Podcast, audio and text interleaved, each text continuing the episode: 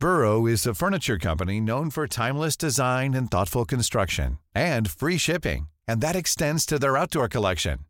Their outdoor furniture is built to withstand the elements, featuring rust-proof stainless steel hardware, weather-ready teak, and quick-dry foam cushions. For Memorial Day, get 15% off your Burrow purchase at burrow.com slash ACAST and up to 25% off outdoor. That's up to 25% off outdoor furniture at burrow.com slash ACAST. Hiring for your small business? If you're not looking for professionals on LinkedIn, you're looking in the wrong place. That's like looking for your car keys in a fish tank. LinkedIn helps you hire professionals you can't find anywhere else, even those who aren't actively searching for a new job but might be open to the perfect role. In a given month, over 70% of LinkedIn users don't even visit other leading job sites. So start looking in the right place. With LinkedIn, you can hire professionals like a professional. Post your free job on linkedin.com slash people today.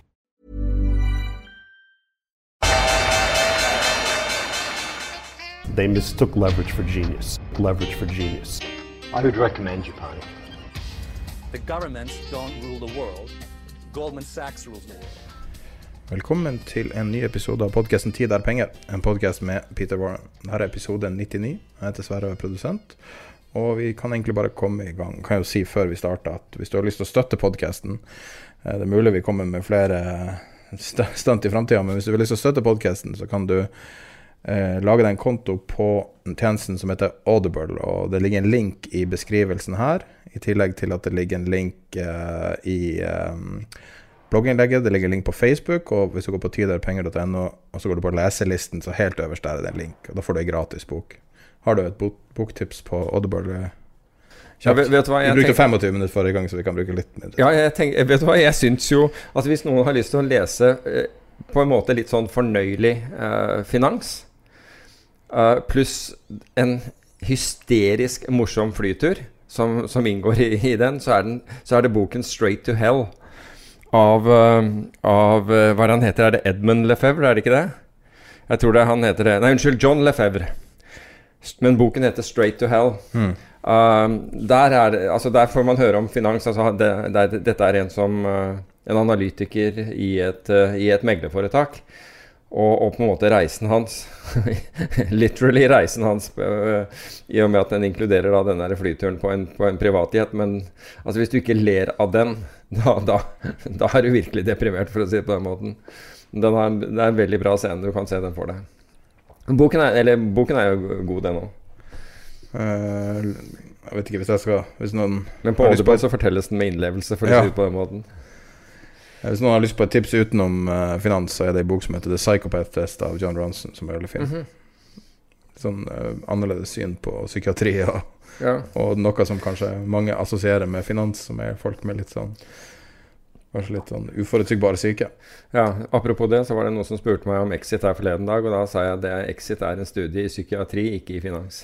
Ja, jeg tror det har vært nok exit. Dagens. Næringsliv skriver 30 om exit nå, så vi trenger ikke å, Ja. Nei da, vi trenger ikke å ta det noe mer. Men, jeg. men jeg bare mente at psykiatri syns å være relevant om dagen.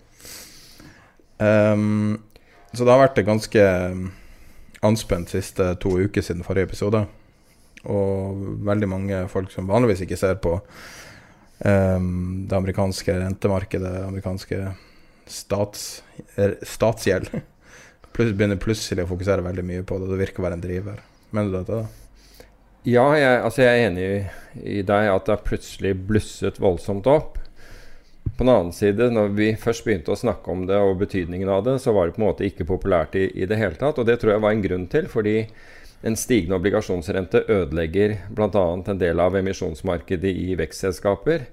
Og derfor så tror jeg den biten, altså det som den faren, altså den, det at vi begynte å se lange amerikanske obligasjonsrenter, lange syvåring, tiåring, 30-åring osv., uh, stige, ble på en måte undertrykket i den vanlige diskursen. Altså det, det du leste, aviser, hva, hva som helst, snakket ikke om det. Og jeg tror det er rett og slett årsaken er at det passet ikke med den virkeligheten man ønsket at skulle, skulle være da, i finans på dette tidspunktet.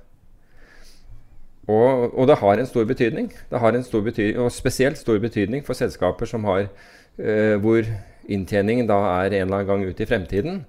Nemlig at diskonteringsfaktoren øker, slik at nåverdien av deres fremtidige, fremtidige inntekter faller ved en renteoppgang. Og den renteoppgangen nå har jo vært ganske dramatisk, hvis du ser hvor raskt den har gått. Men uh, djevelens advokat, da. Slutten av 2018 så lå vi på 3,2 mm. Og det gikk jo fint, da. Ja da. Altså, det, det, ja. Men hva har skjedd siden? Vanvittig gjelds, gjeldsoppbygging. Og det er jo det som er problemet. Det er at størrelsen av gjeld er så stor at det får betydning. Altså, bare tre år? På bare tre år. Eller to, to år? Ja. Så har gjelden Altså bare se på statsgjelden i USA. Og bare tenk deg hva som skjer altså når den skal refinansieres. Eh, hvis du ser på eh, tiåringen, den har jo gått over tregangeren. Altså renten har gått eh, opp tregangeren. Hvor mye det utgjør i dollar, er helt vanvittig. Ja, Så leste du den rapporten fra, jeg sendte deg fra, fra Bank of America? Ja. Bank of America med Lynch. Eh, ja. De hadde en helt utrolig svulstig Det var også de hadde drukket seg full. Mm. Den heter, jeg tror den heter Champagne for Bonds og Beer, beer for Stocks. Ja. Um, og da har de masse sammenligninger i den. Og En av dem var at uh, amerikanske treasuries, Finansdepartementet, utsteda Altså auksjonerte bort 255 milliarder dollar i gjeld på fire dager. Mm. Eh, det er et beløp som er større enn den årlige BNP-en til Portugal og New Zealand. Eh, amerikanske regjeringa vil bruke 879 millioner dollar hver time i 2021. Ja, det er helt unbelievable. Either bond yields will rise, or the US dollar will fail to fund fiscal excess. Men, men, folk Altså, det man det I hvert fall det jeg har inntrykk av de fleste nordmenn er bekymret for, det er hva det betyr egentlig for f.eks. aksjemarkedet. Og en renteoppgang i seg selv er ikke negativ. Inflasjon i seg selv er ikke negativ for, for aksjemarkedet. Ikke så lenge den er på et moderat nivå. Egentlig så har vi jo forsøkt å stimulere til inflasjon. Det er jo det disse sentralbankene har gjort. Og nå ser vi jo tegn til det bl.a. Altså jeg, jeg, har jo hevdet lenge at, uh, at inflasjonen går amok. Bl.a. i verdipapirer og i eiendomsverdier og den type ting. Det er bare at vi ikke måler disse. Men du kunne, hvis du sammensetter en, en uh, Eller setter sammen en indeks av uh, av den tradisjonelle inflasjonsmålingen, f.eks. 50% av 50 verdipapirer og, og, og, eiendom, så har inflasjonen gått amok i denne perioden. Og det er jo et problem, fordi det skaper velstandsgap. Altså det øker forskjellen mellom rike og fattige. Og det har vi også, også snakket om. Til, og jeg vil ikke si til det kjedsommelige, for jeg er ganske opptatt av akkurat den, den biten der. Men det at øh, obligasjonsrenter stiger, det er ikke nødvendigvis negativt for, for, for aksjemarkedet til et visst punkt. Og det første av disse punktene det vil bl.a. være at portefølje blir rebalansert. Og det vi har sett nå, er at man har gått fra 60% obligasjoner, 40% aksjer, til det motsatte. Altså så gikk man fra 40% obligasjoner og 60% aksjer til 70% aksjer og 30% til 80% aksjer og 20% obligasjoner.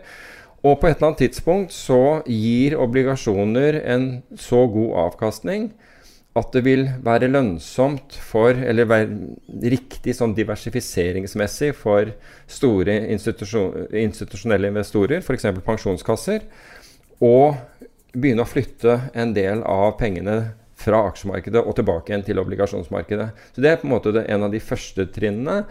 Ikke det at det betyr slutten for, for aksjemarkedet i det hele tatt, men da når du ser en sånn reallokering, så vil nok det i hvert fall bremse aktiviteten eller stigningen i aksjemarkedet. Men um, ett prosentpoeng på tiåringen, amerikanske mm. tiåringen. Hva det utgjør? For du, du, du, har påpekt mange interessante ting. Annet du snakka om dynamikken med noe de ikke er relatert til det samme, men on, on the run versus off the run. Mm. Uh, kan, altså kan du forklare litt hvordan de her uh, Altså uh, ja, hedgefondene på den ene sida, som er en liten investor relativt sett, og så har du de store pensjonskassene. Ja. Hvordan tenker de? Hva er det de er ute etter? Er, hvordan er det de Altså, er, de, er, de, har jo aldri vært aksjeplukkere, dem, f.eks. Nei, stort sett ikke. Men, men, du kan si at eh, altså Vi har jo snakket om, siden du nevner off the run og, og on the run, skal jeg bare be, be, forklare det. Altså On the run-obligasjoner, det er de obligasjoner som vi kaller benchmark-obligasjoner i dag. Og det vil ha amerikanske tiåringen, syvåringen, 30-åringen, toåringen f.eks. De er benchmark-obligasjoner. Problemet er at om ett år så er da tiåringen ni år. 30-åringen 29 år osv. Og, så og, og, og 7-åringen 6 år. Og da er ikke de lenger benchmark. Da går de fra å være on the run til off the run. Og er det et sted Det letteste sted i verden å være aktiv forvalter og si at du har presumptivt klart å skape mer verdi, er som obligasjonsforvalter. For alt du trenger å gjøre, er å investere i off the run-obligasjonene fordi populariteten til on the run, altså disse benchmark-obligasjonene, er så mye høyere at de handler med en lavere rente enn off the run. Så du får en bedre avkastning. Altså enhver eh, aktiv obligasjonsforvalter slår indeks. Ikke sant? Og det, det skal jo ikke gå an. Altså enhver som har hodet på rett plass. hemmelighet. Det, Hva sier du? Det er skikkelig forvaltningshemmelighet. Ja. Aldri hørt om det. Og, og, det er, og årsaken det er jo fordi de velger off the run-obligasjoner til å gjøre det. ikke sant? Det, Men det er mindre likvid? Er det det? Altså, ja, det, må, de er, det må jo være en nedside? Nei, det er Ja. Ja Altså, LTCM eh, altså dette Long Term Capital Management i 98, dette hedgefondet, de oppdaget da at det var forskjell i likviditet mellom, mellom, disse. I det vanlige så er det ikke det. I vanlige dager så er altså den, den er ikke merkbar. Okay. Men når det kommer kriser, så kan disse virkelig gå fra hverandre. Enda det er Altså kreditor er den samme. Ikke sant? Altså Hvis det er amerikanske stat, er det som skal på en måte tilbakebetale. Men bare nervøsitet kan få disse til å fly fra hverandre. Så mye at den som har lånt deg penger til dette her, bare ser på kurs og ikke tenker at det er amerikanske stat bak. Så hvis du er long, long f.eks. niåringen, short, uh, short tiåringen, og egentlig da er, har null eksponering i forhold til kreditor fordi du er short-papirene og long-papirene. Det holdt ikke under i 98. Da, da, fikk, da, fikk, de som lånte ut penger, panikk og, og, og, og forlangte tvang, tvangsinnløsning mm. av, av, av, lånene sine. Så dette er jo på en måte den, den best bevarte hemmeligheten, om du vil, innen, Virkelig, ja. innenfor, innenfor, finans. Og det får jo da obligasjonsforvaltere til å se ut som stjerner, og se ut som jøss, har slår benchmark hver måned her. Men hva med, ikke, Er det det som er f.eks. bak Pimco? Jeg tenker på hvem er store obligasjoner? Nei, ja, altså Pimco gjorde en ting, altså i hvert fall under Bill Gross, da, eh, gjorde jo en ting i, i tillegg, og det var at han shortet opsjoner. På, stats, på, på, på, statsobligasjoner. Så han skrev da 'strangles', altså han skrev Eh, da altså out of the money call-opsjoner og out of the money put-opsjoner. Samtidig, og han var så stor i dette markedet at han på en måte kunne holde dette der det var. At bare hans utstedelse bidro til å roe markedet ned.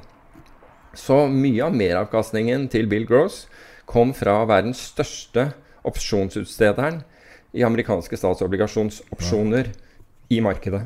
Suverent største. Men hvordan, altså, hvem, hvem, er de store kjøperne, hvis du går tilbake bare til, til basic? Store, det, det si, hva, hva, er det som driver tiåringen, da? Bare starte der. Altså store kjøperne. Pensjonskasser. Typisk stor kjøper. Øh, typisk nasjonale fond, altså NBIM f.eks. Store kjøpere av, av statsobligasjoner.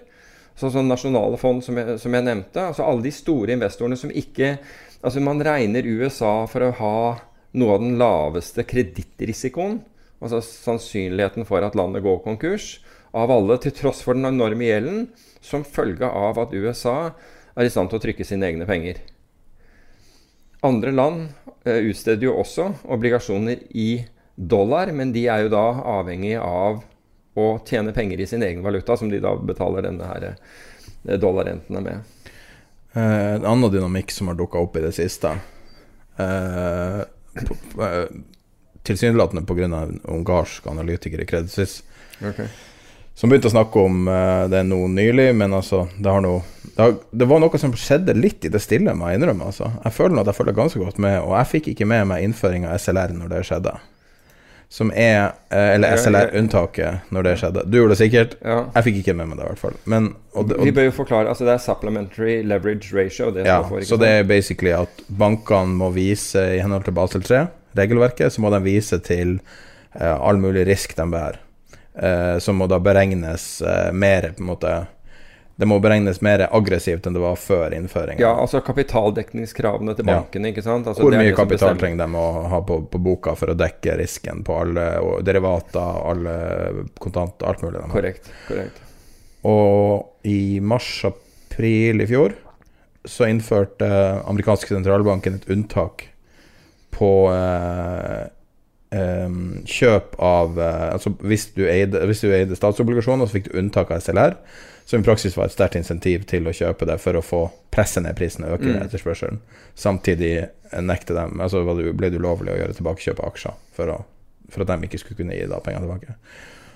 Og så er det nå, da, det store snakkesen er hva blir å skje på onsdag? Blir de å videreføre nå, det her? nå, nå snakker du om Fed-møtet som kommer på onsdag, ikke ja. Altså Federal Reserve, altså amerikanske sentralbankens møte. Ja.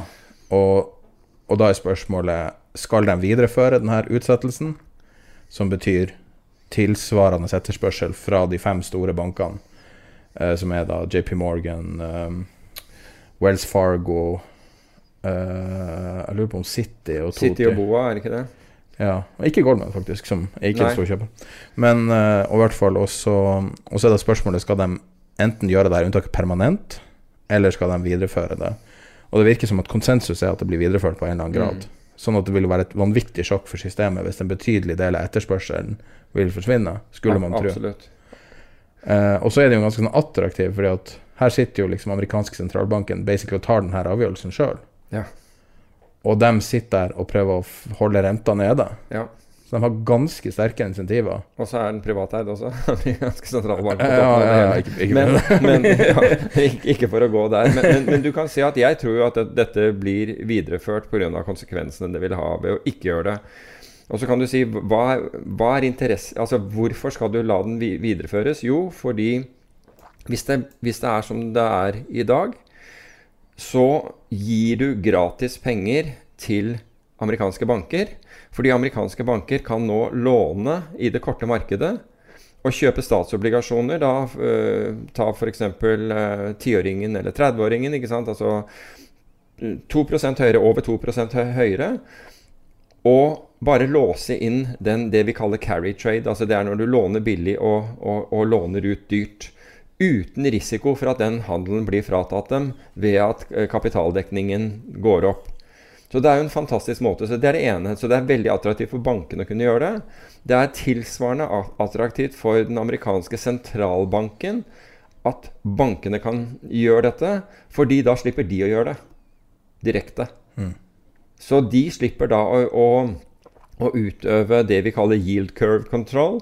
Altså med andre ord at det, som skjer nå, er jo at rentekurven ren, eh, blir brattere. altså Rentekurven det er ut i tid, så du kan si at amerikanske sentralbanken har jo, har jo null rente. Altså på, eh, dagsrenten er null. Eh, låne, men lenger ut på kurven så, så, så stiger da renten. altså på Syvåringen er høyere, tiåringen er høyere, 30-åringen er enda høyere enn den. Så du har en bratt kurve oppover som har blitt ekstremt mye brattere i det siste. Og det er, det, det er ikke en bra situasjon å være i. Det er veldig bra for bankene at, at kurven er bratt. Eh, for bankene tjener da mye mer penger fordi de låner inn billig og, og låner ut, eh, ut dyrt. Men da slipper sentralbanken å være like aggressiv på sitt, sine kjøp, sine tilbakekjøp eller sine kjøp av egne obligasjoner eh, ved at bankene gjør det. Så det er, altså på, på samme, Egentlig så er det de samme pengene vi snakker om, for kvantitative lettelser finner veien til bankene uansett. Men de slipper å, ha det direkte eierskapet. Det vil da sitte hos bankene. Jeg håper ikke at dette var for Nei, men, komplisert forklart. eh, nei eh, det, er veldig, veldig viktig, om ikke noe annet. Om, om det fremstår komplisert, Jeg vet ikke. Men eh, eh, jeg tenkte også på en annen dynamikk når du satt og gikk gjennom i stad. Snakka om inflasjon, og vi har jo hatt inflasjon hele tida. Men det er én forskjell denne gangen, og det er at pengene går til fattigfolket. Det kommer stimmis ut alle sammen. Ja, du, nå, snakker, nå snakker du om Bidens uh, Ja. ja ab absolutt. To, og, og, Og det er noe besynderlig over den moralske forargelsen over den her, eh, over den her eh, stimulipakken. Som er bare nok en stimulipakke, i mine øyne. da. Altså, Ja, ja. Det, det er jo så mange tusen milliarder dollar de har pumpa inn. Men det er forskjellig når amerikanske familier får flere tusen dollar til å betale strømregninga med og alt Ja. mulig annet. Absolutt.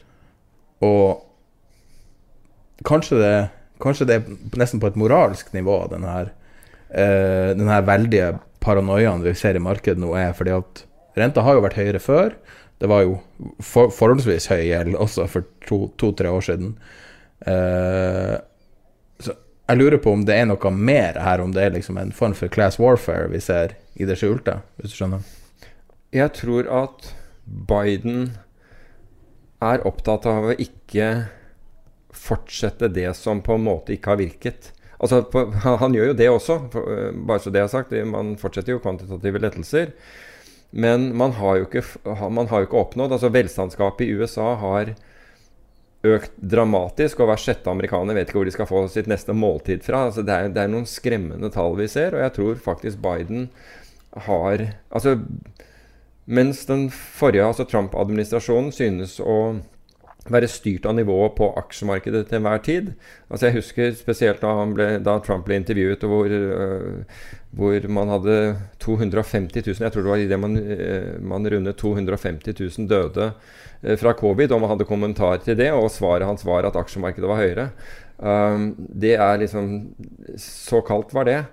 Mens jeg tror Biden har, har på en måte tatt uh, mål av seg til å, til å gjøre det annerledes. Og, det, og all ære til ham for det, fordi uh, på, på økonomien så har så, så, Altså deler av økonomien fikk, eh, ble begunstiget av, av, av Trump også gjennom um, også gjennom skattelettelser, mens uh, infrastrukturprosjektene han lovet uh, skulle skje for å, for å, for å gjenoppfriske, gjenoppfriske, revitalisere eh, økonomien, ble aldri iverksatt. Og jeg tror Biden tar, tar mål av seg til å, til å gjennomføre en god del av, det, av, av disse tingene.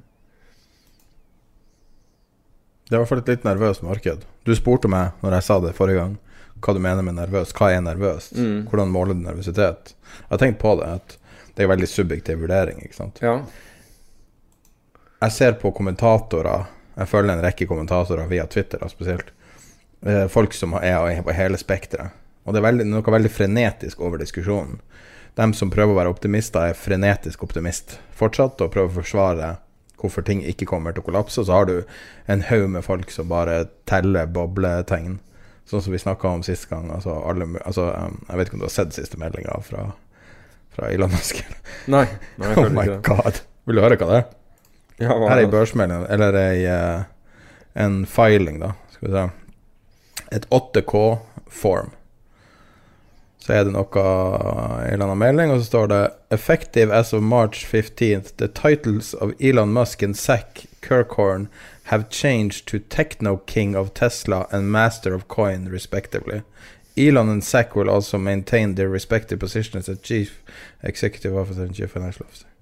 Altså, det her er snakk om en person som virkelig håner mot markedet. Mm. Ingenting han gjøre. Har jo ikke hatt noen konsekvenser heller. Og det her kommer jo selvfølgelig ikke til noen konsekvenser. Nei. Men jeg har aldri sett noe lignende. Nei, altså han eh, Altså jeg husker jo han best fra å ha blitt idømt var det 50 millioner dollar i bøter etter han løy om at Saudi, Saudis oljefond skulle kjøpe eh, Tesla på 420 dollar. Eh, for da å få da denne, denne boten, altså først 25 millioner dollar han måtte betale selv, og 25 millioner dollar som selskapet måtte betale, og at han da ikke skulle uttale seg, og det var liksom i, måte på, for um, nesten umiddelbart etter å ha eh, å fått denne boten, så begynte han å håne eh, amerikanske eh, finanstilsynet. Det er, altså, det er klart at da, da føler du at du står ganske langt over loven, føler jeg. Så vi får se. Ja, vi, vi nevnte jo en norsk forvalter uh, sist uke. Jeg har sett at han har drevet og, og, um, uh, og loggført artige sånne ting som han syntes var sånn ufrivillig morsomme børsmeldinger. Men det her er jo helt din egen liga. Ja, ja. Hva er det her for noe? Ja. Hva, er det han, altså, hva, er det, hva er det han har inntatt av stoffer for å synes det er en god idé? Satt ikke han også på, på Joe Rogan og, og, og røykte? Ja, nei, det, jeg bare, jeg, det, var bare helt Altså, nå er det ganske mye perpleksende ting som skjer. Ja.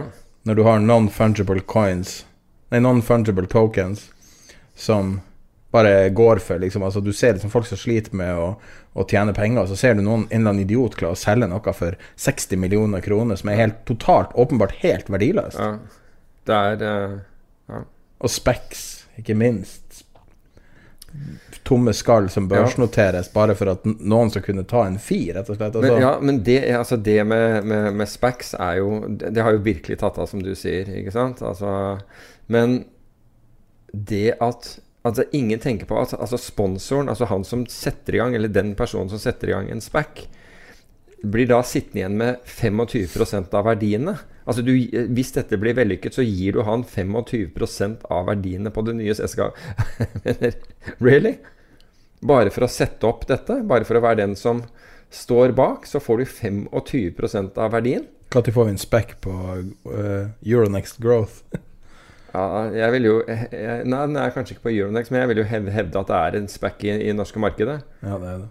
Eh, altså element er jo- Element er jo en spack. Ok, det, da er det to. Altså, ja, men den, den er jo i, i virkeligheten det. For, her tok man et tomt skall, og så sa man og, og så sier man et eller annet med krypti og, og, og blokkjede, og, så- og så verdsettes det til vanvittig. Hva var det tomme skallet? Hvor det kom fra? Ja, Det husker jeg ikke hva det opprinnelige var. For den opprinnelige, eh, den opprinnelige eh, forretningsmodellen gikk jo nedenom og hjem i det selskapet, husker jeg. Så, og da Kursen falt jo dramatisk. Den er jo heller ikke kommet opp i de nivåene igjen.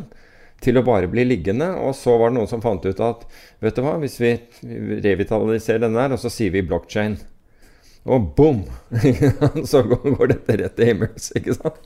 Og så har, det er jo, altså det er jo Og da skal du, vi skal ut og kjøpe noen selskaper innen blockchain. Og det er jo Men du kan si at det, ære være de som altså får til det å få Du vet folk jeg kjenner en kar som har henta uh, 400 millioner til en spekk? Nei. Hva? Så, Jeg regner med at det er en amerikaner, eller er det ja, ja, du vet ikke om det. Ja, da vet jeg om det. Ja. det jeg okay. bare så det en dag på nyheten, bare, bare oppriktig facepalm. Men, men vi må, altså nå, nå forutsetter vi at alle vet hva en SPAC er. Altså SPAC er Special Purpose Acquisition uh, Company. Uh, ja, kampene er det. Ja, altså Med andre ord du, det, er et, det er et skall som skal da kjøpe Kjøpe noe som er interessant. Det er rett og slett det. Altså Det er bare et, et, et skallselskap. Tilsynelatende investerer du i at denne personen er så flink til å finne riktig ting å kjøpe. Ja, og noen er jo det. Noen er jo faktisk det. Men, men, men du kan si at nå hele den Det er jo gått helt voldsomt. Men nå fikk jo det en voldsom korreksjon også. Spekkene fikk jo også en voldsom korreksjon her. Den største er vel Churchill Capital, er det ikke det? Det er jeg ikke sikker på. Det er jo som omsettes mest. Men jeg så at, uh, at spekker var jo ned 25% på, på kort tid her. Så Churchill gikk fra 10 dollar til 50 dollar på gud, jeg vet ikke lange tida. Og så er det tilbake igjen, men det er jo fortsatt på 26. Jeg vet ikke akkurat hva de eier. Jeg begynte å prøve å Det var en av de her jeg prøvde å uh, finne ut hvem det var som sto bak det. Det var bare vrøvl, alt fra ende Og de hadde kjøpt noe sånn uh, ladestasjon-business. Og så hadde, hadde det gått masse ned og tapt masse. Og så skulle jeg prøve, prøve å finne ut hvem som sto bak det, da. Men det var helt umulig, tilsynelatende. Men det er- det er ganske fantastisk å klare å prise opp Altså, jeg har et tomt selskap, børsnotert selskap, som jeg har tenkt, å, tenkt til å gjøre noe innenfor X bransje med. Å, fenomenalt! La oss, la oss verdsette det til 100 ganger det du, det, det, kontanten, de kontantene du har i det selskapet. Eller 1000 ganger. ok? Virkelig? Men det er bare den manglende respekten for markedet som er så, så enerverende. Jo, men jeg Hva er skjønner- vitsen med å analysere du, når du ser ting som bl.a. GameStop og noen andre, så forstår jeg at folk har manglende respekt for markedet. Eller så må du ha respekt for markedet og den kraften som markedet i dag utgjør.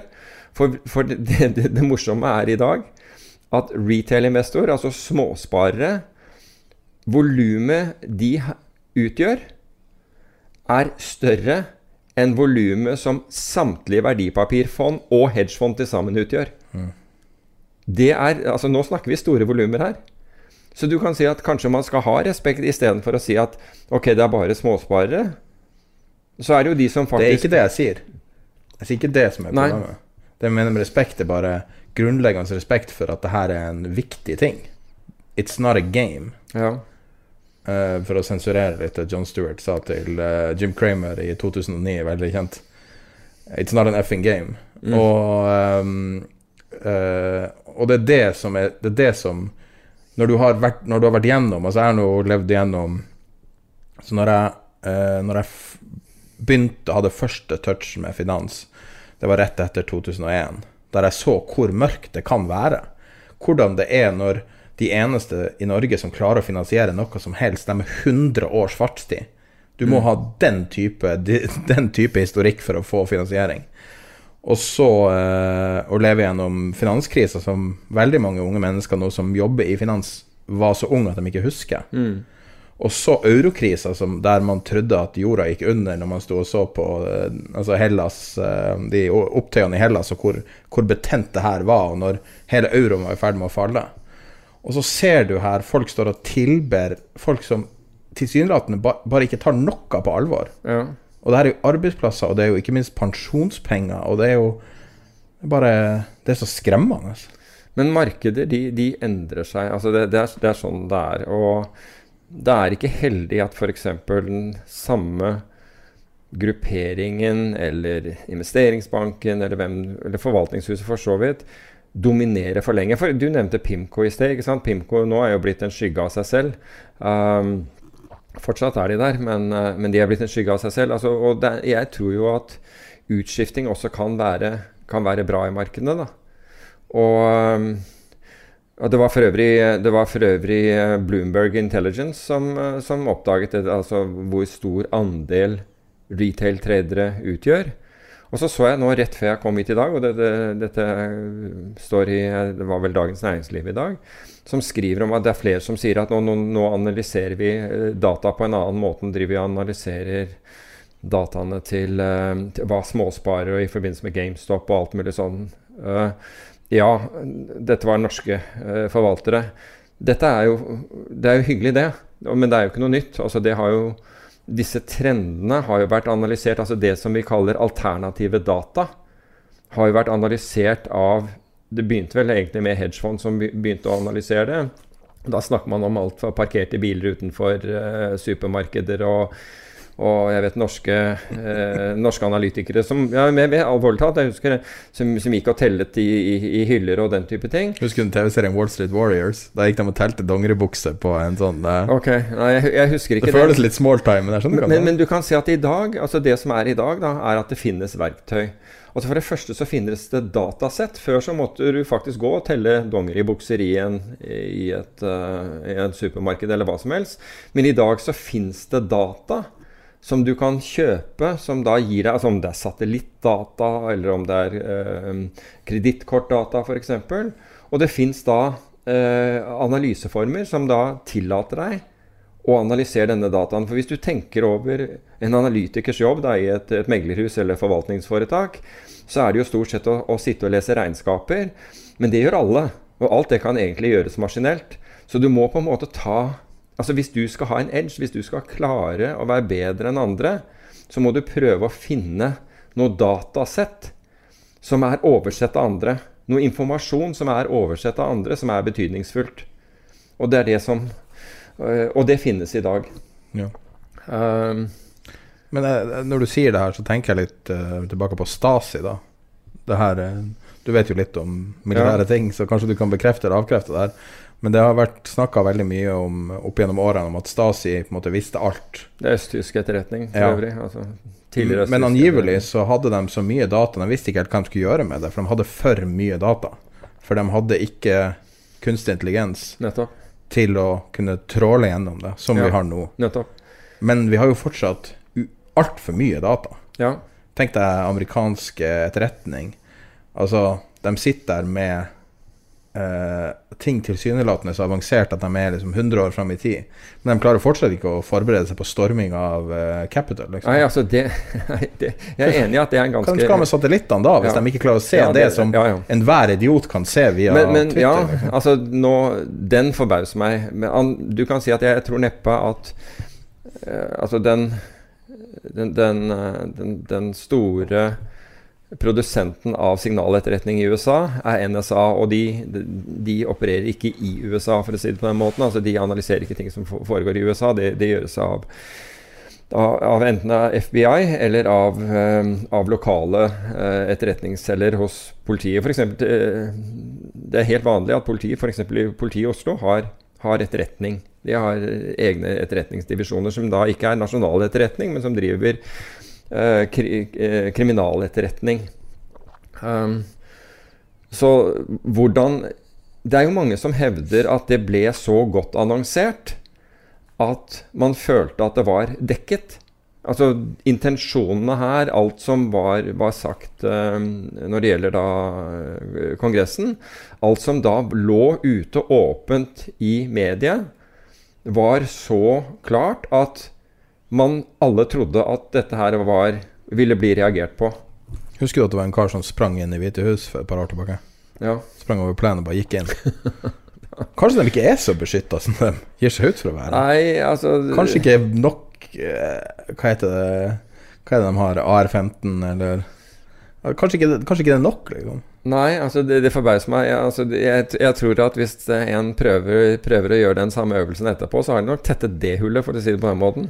Men det var ganske obvious hull, da. Springe over planen og Ja. gå inn hovedinngangen, Ja, er og den er åpen. Ja, det er helt ekstremt. Det er helt ekstremt. Du, altså, Hva annet er det som er åpent? jo, men jeg vil jo tro at, at altså, du, du har Secret Service har jo en uniformert tjeneste, og den, og, og den som går i, eh, i, i sivile klær, altså livvaktlagene.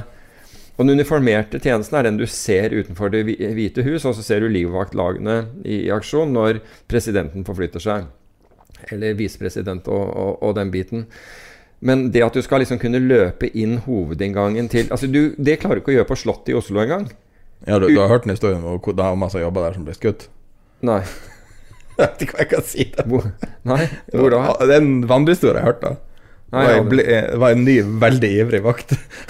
så, og så har de jo sånn De har jo jeg, vet ikke om de engang har sikring på våpnene. De er veldig skarpladd, Jeg snakker om gardister, eller snakker du om Nei, de, altså Hvis de har skudd i kammeret, så er det definitivt sikringen på. Det kan Ja. jeg love deg. Men jeg tror de har Hvis skudd i de har skudd i ka- kammeret, det vet jeg ikke. Men det kommer da en, en døv vasker eller noe sånt på Slottet, som alle vet hvem er, sykler inn til jobb. Og så sier han, eh, jeg vet ikke hva det er, tre ting, halvt eller Ja. halvt eller så skyter, et eller annet sånt. Holdt antakeligvis, ja. Ja. Med mindre dette skjedde før, før 45. Halt, ja. Sier du hvor mye jeg vet, liksom. Ja. Men uh, han ga i hvert fall tre advarsler. Og så sykler hun videre, så skyter han over foten! Oi. okay. Og det Altså Nei, jeg kjente ikke til den. Men, men du kan si at eh, alle disse stedene Ta, ta f.eks. der hvor regjeringen sitter også. Det, altså, du går jo ikke inn der. Nei. Det er, altså, du vil jo komme til desker hvor, eh, hvor, hvor det er sikkerhet poenget mitt er at jeg tror kanskje at vi, vi har litt sånn illusjoner om hvor beskytta man er. Eh, nå har du f.eks. snart Formel 1-løp i eh, Saudi-Arabia. Mm. 20 km unna den der eh, gigantiske olje, oljeområdet der, jeg husker ikke hva det heter, det, det som ble, det som er- ble forsøkt bomba nå nylig. Ja, nettopp. Det som skal ha vært rammet to ganger. Ja, og noen Ja. droner i går, eller hva Ja. det var. Um, og det er liksom begynner å stille spørsmål om det er mulig å, ha, å holde sånne typer arrangementer. Er det sånn eh, sikkerhetstrussel? Så er det selvfølgelig spørsmål om hvem er det som egentlig har skutt de missilene. sånn, det er vel en annen Mm. sak, men Så dette, dette eh, cyberangrepet på, nye cyberangrepet på Stortinget Altså Det så jeg at, at eh, Kjetil Hatlebrekke, som er, som er Norges eneste som har doktorgrad i etterretning, Mm. han mener at det er et terrorangrep, et, altså et cyberterrorangrep. Måten dette var gjort på, altså sånn at det var antageligvis lett å finne ut at det var et angrep, um, er et act of terror fremfor noe annet. Altså det er, er maktdemonstrasjon, en form for terror. Og altså han har skrevet en av de, de, eh, de mest eh, leste bøkene om etterretning. The Problem of uh, Secret Intelligence. Um, og han er, vel, jeg, han er vel en av de definitivt i dette landet, men, men kanskje internasjonalt, som, som, tenker mest på, uh, på, på, etterretning og etterretningsproduktet. Så når han sier noe, så tror jeg vi skal ta det med, med, med, med gi, det, i det en oppmerksomhet. For det kan være at dette nettopp er gjort som et, et, terrorangrep. Altså ikke som å gjøre noe annet enn, enn å skremme oss. Og, og, fortelle oss at vi er veldig sårbare. At det var mo Norge motivet. spesielt, fordi at det her er jo så globalt. Ja, men altså, hva måtene var, var gjort mot, uh, mot, Norge, slik jeg, jeg forsto det på ham. Men altså, Norge, Norge i et etterretningsperspektiv er mye viktigere enn det de fleste tror. På grunn av grensa til Russland? Ja, nettopp. Fordi vi wow. dekker grensen til Russland, og selvfølgelig eh, også øh, kan da øh, monitorere aktivitet, altså russisk ubåtaktivitet ut, ut, av Murmansk. Altså den, Norge kan det? Ja, for den, den, de går jo forbi De vil jo gå forbi Norge på, på, vei Altså hvis de skal Har Norge kapasitet til å se sånne ting? Norge Vi har noe som heter Orion-fly. Altså disse P Er det vel P5, det eller hva de heter nå? Greia på toppen? Eh, nei, nå tenker du på Abax. Men, eh, men Norge har jo kapasitet Altså de dropper jo, eh, de dropper jo sonarbøyer i, i, havet for, for, for, lytting. Men poenget er at du har noe som heter Five Eyes-samarbeidet. Five Eyes-samarbeidet er USA, Canada, Storbritannia, New Zealand og Australia. De har et inngående etterretningsarbeid. Eh, samarbeid. Mens man, man, hevder at liksom Norge er på en måte det, det, det, det, sjette øyet. altså Jeg er ikke formalisert medlem av The Five Eyes, naturlig nok. Men på grunn, altså, du vil tro at et land med litt over fem millioner innbyggere umulig kunne være uh, store på dette. Men nettopp pga. Av, av nærheten til, til Russland og Nordsjøen så så er Norge en, faktisk en viktig om du vil, spiller i dette. Og Derfor har Norge mer ressurser enn et land på, på, tilsvarende størrelse. Mye større ressurser enn et land på tilsvarende størrelse, størrelse ville ha. Fikk lyst til å lese denne boka nå. The Problem of Secret Intelligence. Ja. Det hørtes ganske interessant ut. Den er gitt ut på Edinburgh, Edinburgh, Edinburgh, Press, tror jeg den er gitt ut på. Ja, selges på Adlibris her, i hvert fall. Så. Ja. Ja. Men uh, ja. Han er, han er, Kjetil Hatlebrekke er både verdt å, å høre på, lytte til og, og, og, og lese. Han vet hva det går i. Lytter jo meg oppmerksom på at jeg var da nevnt i anledning et, et selskap som da driver med dataanalyse. Uh, i, i, i, i, media. Jeg var, var, ikke klar over at, det, at det skulle komme noe om det, men det selskapet som heter Exabel, det gjør nettopp det. Det, det ser på alternative datamengder og analyserer det. Det er hele konseptet til det, er å finne og analysere bl.a. gjennom Eh, AI eh, alternative data. Og få sammenheng mellom det og, og, og børskurser. Hva du syns om eh, den lille utrolig idiotiske illustrasjonen jeg hadde av AI med deg på, på chatten? Ja, den, ja. Der jeg tok, la det inn på den chatten som heter Snakk Eller kanalen som heter Snakk om podkasten, som er på Discord. Og så er det da Det er jo bare en sånn app, liksom. Men det er en bruker kunstig intelligens som helt obviously er det er, ikke, det er ikke sånn at de bare sier kunstig intelligens. Det her er en del prosessering bak, der de kan få en hvilket som helst bilde til å synge. Du har sikkert sett det har vært overalt. Så gjorde jeg det da med podkast-kunsten. Det er skremmende. Ja, det er jo skremmende hva, hva, hva det tok to sekunder liksom, med mobiltelefonen. Ja, ja, men det gjør jo at du kan få en person til å holde en tale de aldri har hørt. Ja, det er jo Har du sett de der Tom Cruise-klippene? Nei. Det var en kar som Uh, bare putta litt energi i og skulle lage sånn, eh, det som kalles deepfakes med Tom Cruise. Okay. Leide inn en skuespiller som hadde uh, ligna på kroppen, og så hadde han Jeg lurer på om han hadde en, en sånn lik stemme. Og så gjorde han da deepfake på toppen av det. Og det er, og det er en person som da Det er jo én person som gjør det her som en hobby. Du kan tenke deg hva du kan gjøre i mm. statlig øyemed. Ja.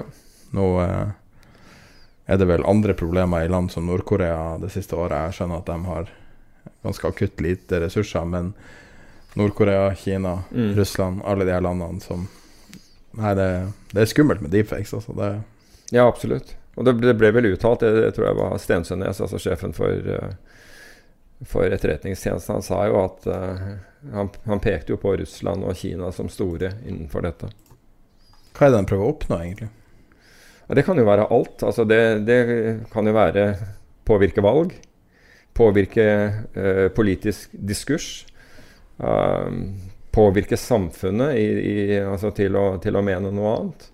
Um, Ja. det, er, det er jo alt mulig, inkludert eh, Inkludert det som blir mer alvorlig, altså som rett og slett eh, sender da deler av samfunnet mot mot, uh, mot opprør.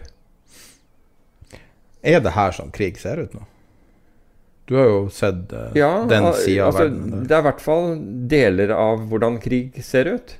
For den cybervirksomheten rundt krig og, og, og altså alt fra signaletterretning og hvordan ting behandles og, og gjøres i dag, er jo annerledes det, enn det har vært tidligere. Altså Tidligere så var jo bl.a. operasjonsrom De var jo atskilt. Altså øh, de forskjellige de forskjellige gruppene satt på forskjellige steder. Nå har man jo større operasjonsrom. Altså Det som er eh, utfordringen med store operasjonsrom, er hvem som har ansvar for, for hva. Eh, Men hvor all data hentes inn og, og bearbeides på stedet. Slik at Og det er jo for, for at bakkestyrker skal eh, skal kunne være mer effektive og også holde dem unna harm's way. Altså, du har jo, ta f.eks. droner. Altså bruken av det. Og jeg kjenner jo selv eh, tilfeller fra, fra, fra Afghanistan hvor, eh, hvor, de, eh, hvor en, eh, hvor en patrulje De var i, i, i kjøretøy, men de ser, de ser noen på, på, på en høyde lenger fremme, og så er de litt usikre fordi det er et pass der, om de skal kjøre frem. Og så stopper de isteden, og så sender de opp en sånn veldig liten eh, drone. Altså et eh, ikke helt mikrodrone, men eh, en sånn prox-drone, for å si det på den måten. Den der eh, Hva heter Black Hornet. Som da tar seg bort dit, og der, der er- ser de folk med våpen. Og, så det er ingen tvil om at de har, de har eh, dårlige hensikter. Dronen kommer tilbake igjen, og de bare kaller inn rett og slett et fly. Til å bombe, det, flatbombe den der fjelltoppen. Um, ja, vi kan, vi kan jo Nå glir vi litt ut fra finans i dag, men eh, jeg syns det er utrolig interessant, så beklager på vegne av lyttere som kun vil ha finans. Her er Peter sin podkast. Da handler det han interesserer seg for. Og det kan være av og til være psykologi og eh, droner ditt og datt. Så eh, eh, Men vi kan jo eh, altså året, no, Kanskje årets store snakkis i Norge må jo være Røkke sin bitcoin-rapport. Har du lest den? Nei, jeg har ikke lest den. Jeg har bare sett eh, det som har vært referert til av, eh, av utdrag på den. Men eh, jeg fikk jo med meg at han hadde, hvis jeg ikke tar feil av, antallene, hadde kjøpt 1170 eh, bitcoin. Og sammen med et kanadisk selskap var nå eh, Ville nå se på, på, på selskaper eller slik jeg forsto det, altså som, som uh, ville forbedre blokkjeden og, og gjøre noe ut av det. Og det er jo egentlig det samme som vi har snakket om som, uh, som uh, Pantera gjør, og som Gal Galaxy, eh, dette Mike Novograd sitt selskap. Men det at eh, han gjør det Altså for det første at han gjør det, eh, pluss at han, har de ressursene han har, og har da tydeligvis sett seg ut et, et canadisk selskap, gjør jo at, eh, at jeg tror at de, en, de kan bli en seriøs spiller i dette her. Um, nå, mens vi er inne på det, altså seriøse spillere, så se på den andre siden. Jeg så at uh, amerikanske finanstilsynet advarte nå rett før helgen mot selskaper som drev krypto uh, look-alike, altså selskaper som ikke hadde ikke hadde kryptovaluta, men som da drev, skulle drive et eller annet eh, i nærheten av, fordi de har sett prising av slike selskaper. Det var et eller annet selskap som hadde gått 8700% altså Det blir jo nesten litt sånn eh, Litt sånn eh, Wall Street Bet-type eh, greie. Um, og gikk rett og slett ut og advarte mot prisingen av masse av disse selskapene. Men det var, dette var som sagt selskaper som ikke hadde eksponering, men som, som, drev med noe nærliggende, som de sa. Til tilfelle med, med Røkke. Jeg husker ikke hva, hva, navnet på den var det på den satsingen var, men uh, det, er heller ikke så, så viktig. Men han har jo gjort en skikkelig commitment til, eh, til dette kryptospacet med, med, å kjøpe 1170 bitcoin. Det er jo ingen tvil om det. Men altså, samtidig, mens vi er inne på det altså, nå, nå, snakker vi jo hvor bitcoin nå var det på lørdag traff 61 000 dollar for, én en bitcoin. Så, og den har korrigert noe ned eh, siden. Men det skjer jo mye i den i, i krypto. Og jeg så at Goldman Sachs de hadde da eh, sendt ut uh, spørsmål til sine kunder når det gjelder krypto, og 40% av kundene hadde en eller annen kryptoeksponering. 40% det er voldsomt, opplever jeg. 80, nei, unnskyld, 60% svarte de enten ønsket eksponering eller planla å øke den. 76 eh, av de spurte mente eh, bitcoin ville ende året mellom 40 og 100 000 eh, dollar. Og 22% av dem forventet at bitcoin skulle ha en pris på over, over 100 000 dollar ved, ved årsskiftet, altså ved, ved, slutten av året. Så det er mye som skjer, ikke bare det. Men du husker den eh, Goldman Sachs satte jo opp en kryptodesk i, i 2017 som ble nedlagt omtrent like, like raskt. Eller den ble nedlagt i 2018. da da bitcoin falt. Nå har de åpnet den igjen. Mm. Så det skjer noe på det. Eh, men for å balansere det hele, så har da uh, eh, JP Morgan de var ikke, var ikke, så interessert i å, å, å, å, gjøre det tilsvarende, til tross for at 70% av deres kunder hadde planer om, om kryptoinvesteringer. Um, og 58% av dem mente at, at krypto var kommet for å, for, for å, bli. Dette er JP Morgans kunder. Og så en ny sak som jeg nå tilfeldigvis kom over, det er Robinhood, altså dette meglerselskapet i USA. Der hadde andelen kvinner som handler, eh, som handler krypto, gått opp syvgangeren og utgjorde nå 40% av de som handlet kryptovaluta hos dem. Så det har jo skjedd litt, da, i dette her, syns jeg. Ikke dårlig. Jeg tror spekulanter kommer i alle kjønn og alle form, former, farger og fasonger. Ja, det, det, gjør de jo absolutt. Men én ting er jo at det er interessant å se at, at kvinneandelen øker. Altså sånn generelt i, i finans, og in, også innenfor dette. Det, det, og det syns jeg er bare et, et, et uh, positivt tegn. Og det andre er jo at nå har krypto altså blitt såpass mye verdt. Altså, det var jo en periode man trodde at sentralbankene med et pennestrøk kunne, kunne bare stenge ned alt, alt, som er. Jeg tror det er vanskeligere å gjøre det nå. Jeg tror det er et dilemma hos mange sentralbanker og finansmyndigheter helt hvordan de skal behandle dette her. På den annen side så ser du ting som Bank of England som snakker om å utstede sin egen kryptovaluta. Så det er jo mye som skjer. Jeg tror også at det, dette er kommet for å bli. Og så er jeg veldig uenig i at de der som sier at ja, det er null verdt. Det er ikke noe verdt i det hele tatt. Det er enere og nuller og, og, og, og nuller. Det er alt uh, som data er, ja. Men når, når, mente vi at software ikke var noe verdt, f.eks.? Og teknologi ikke var noe verdt? Og, og det er jo bestemt både software og teknologi, ikke minst kryptering, involvert i dette her på et veldig høyt nivå. Så, så, jeg kjøper ikke de som sier at det er null verdt uansett. Um, På samme måte som at jeg ikke kjøper at folk er opptatt av teknologien i det. De er opptatt av at noe stiger, og de vil være med på at det stiger. Det tror jeg er riktig. Det som er fascinerende med Røkke, er at han fremstår som han ikke er så opptatt av det her som en spekulativ investering. Mm. Han virker å være mer grunnleggende interessert i selve finansdisrupteringa. Ja. Og, og det syns jeg det var litt sånn tiltalende med hans fremtoning i det her. Det virker å være gå mye dypere. Og han skulle ha med seg noen folk som var usedvanlig kompetente. Han har funnet noen veldig dyktige folk på det her. Og han har bare en del aspekter med det som virker veldig profesjonelt. da. Og det er ikke bare en, en eh, tenåring som, eh, som, prøver å kjøpe noe som stiger. Men det er noe litt mer substans enn det. Altså, jeg, jeg opplever jo at, uh, at det Røkke gjør, er, er gjennomtenkt. Altså når han gjør noe, så har altså For det første så har han tenkt gjennom det på forhånd. Og for det andre så har han flinke folk med seg. Altså veldig flinke folk. Han er jo ikke Men han, han, jeg tror også at han er veldig krevende. Jeg tror han er veldig krevende i forhold til leveranse og, og, og, og den type ting. Så er, han har både ressurser og og ikke minst de ressursene gir han anledning til å få tak i toppfolk. da.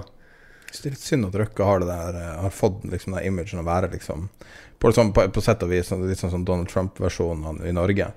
For jeg tror han, altså han Det han har bygd opp Og Det syns jeg ikke han fortjener. Ja. Nei, ikke, men han har vært kjent for å være rik i det. Men jeg mener ikke, at, han, sånn, ja. ikke at han er fjols. Men ja, ja. Uh, han ble synonymt med rik i Norge.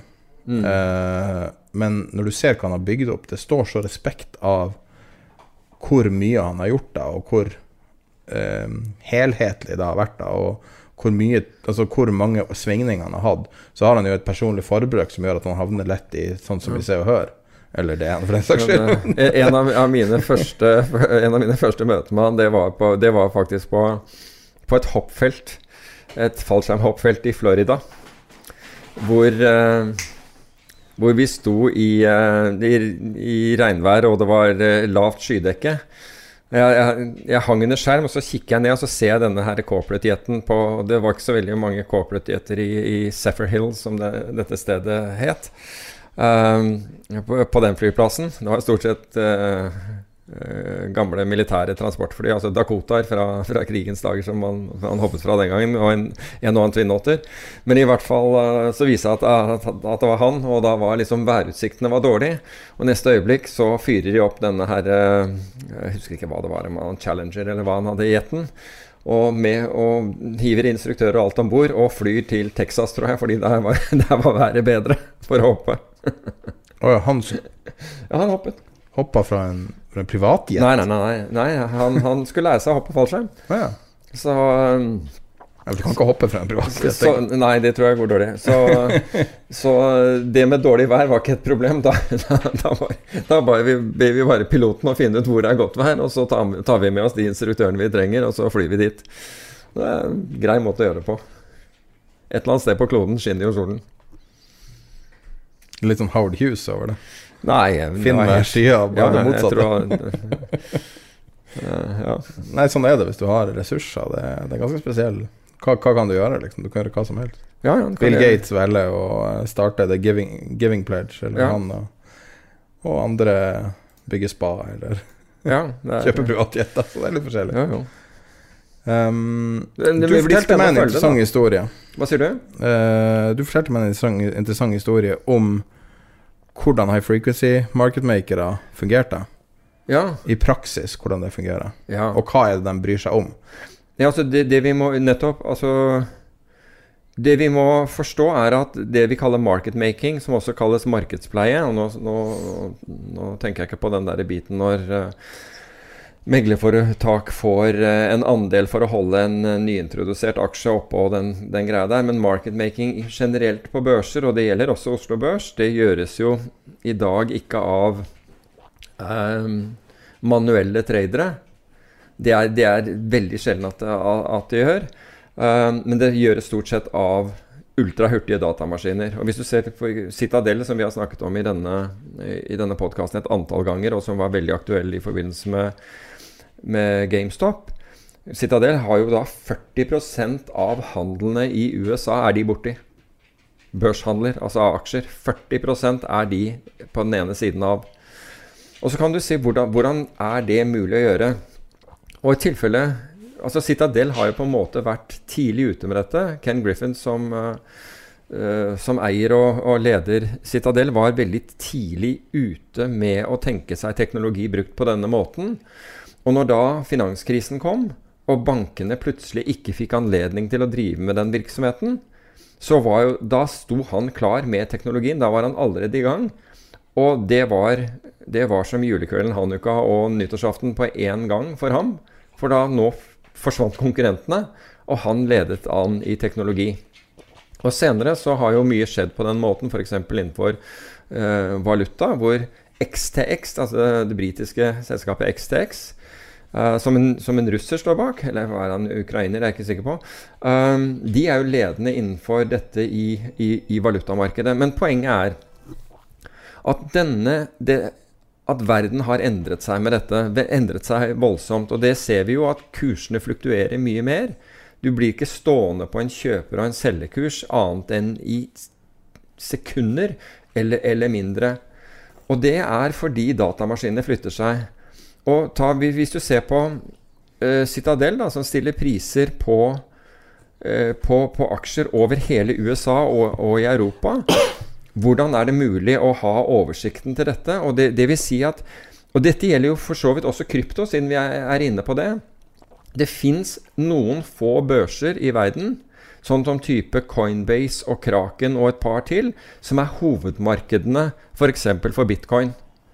Der er det det foregår. Alt annet enn det er sekundærmarked. Så når f.eks. Norwegian Blockchain, som er dette Kjos-selskapet, uh, uh, stiller priser i bitcoin, så er det sekundærmarked. Og det skjer på basis av prisene i de store markedene.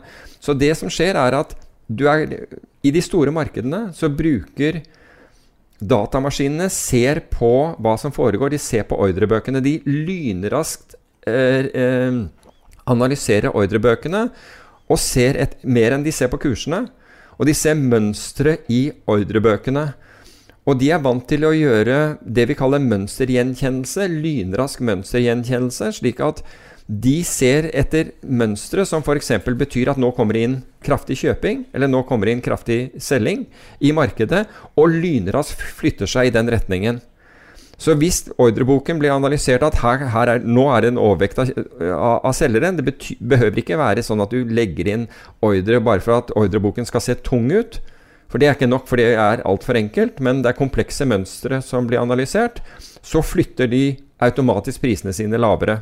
Men de bryr seg altså ikke om uh, uh, De bryr seg altså ikke om om prisutviklinga om ordreboka? Er det det som er Ordreboken, Du kan si at prisutviklingen på den måten at når, hvis de gjentatte ganger eh, får på sin kjøpekurs altså Med en gang de får på en kjøpekurs Det viktigste visstnok i, i valutamarkedet er ikke ordre som ligger i markedet, men om du blir paid, altså med andre ord de, de kjøper av deg, eller given.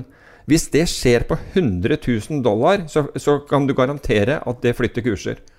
100 000 dollar.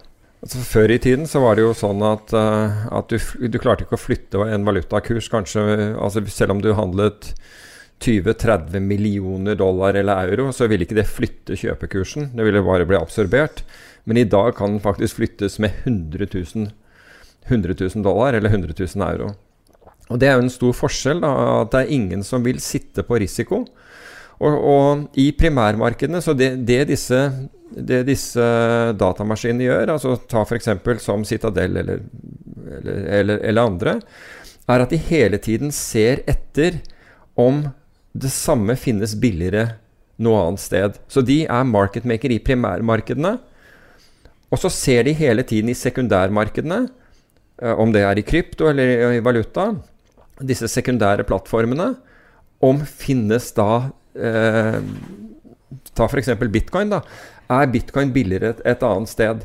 Mm. Og så stiller de priser på i de sekundærmarkedene bredere, slik at de vet at hvis, de, hvis jeg nå Hvis de, de får kjøpt på, på, på, en norsk plattform, så kjøper de eh, Hvis de får kjøpt der, altså hvis noen selger til dem den, på den plattformen, så selger de det, da det de, de kjøper, høyere et annet sted. Så, du, så, egentlig, så når du er en sånn sekundærplattform, og du handler på den, så vet du én ting er helt sikkert, du får ikke den beste prisen. Akkurat. Den prisen du får, er dårligere enn, en det fins eh, andre steder i markedet. For det er eneste måten du får på. Blir det geografisk arbitrasje, da? Eller? Ja, altså Det blir jo geografisk uten at det er noen ge geografiske grenser i det hele tatt, ikke sant, som, som benyttes. Men det vil alltid være noen hovedmarkeder. F.eks. hovedmarkedet for valuta er fortsatt EBS, eh, e altså Electronic Broker Services, EBS. Og det er der hvor hoved alle de store aktørene eh, følger med. Og så har du en del plattformer som er veldig tett opp til den. Elmax i London f.eks. Veldig tett opp til den. Hvor, øh, men alt annet vil ha priser som er dårligere, litt dårligere enn disse plattformene. Slik at hvis du handler da på en eller annen meglers plattform, Det ser jo bra ut. altså Du ser kjøper og selger hele tiden driver og beveger seg, men det beveger seg ikke fordi det er tilbud og etterspørsel og kjøp og salg i den plattformen. Det er fordi det er bevegelser i hovedmarkedet ute. Og i det øyeblikket du kjøper der, så vet du altså, en ting er sikkert, det er ikke den beste prisen i markedet. Det er ikke sikkert at det betyr noe for deg, men det er ikke det. Du, du ser en skyggepris som ligger på utsiden. Akkurat som hvis du handler med bankene på valuta. Det, de prisene de har, er skyggepriser av det virkelige markedet, som tar en større margin. Og det er derfor jeg, det, det mer vi blir vant til å ta f.eks. kryptomarkedet, da, hvor prisforskjellen, altså øh, forskjellen mellom kjøper og selger, er mye større i, i disse sekundærmarkedene. Det, me, altså det mer vi blir kjent med det markedet, det mindre margin kan disse ta. For da er det jo noen som sier at herregud, da, du kjøpte på det, du kunne jo få kjøpt den der i det markedet. Og så skjønner man etter hvert at Og så blir det mer fokusert inn mot hovedmarkedene. Så kryptomarkedet er jo så desentralisert, virker det som. Det finnes jo kryptobørser over hele verden. I nesten hvert eneste land har et par kryptobørser. Det kommer, altså de blir ikke lønnsomme over tid. For det mer kjent dette blir, altså det blir det mer volum, det, mer, det flere folk som handler i disse markedene, det mer price discovery, det mer kjent blir det at det er f.eks.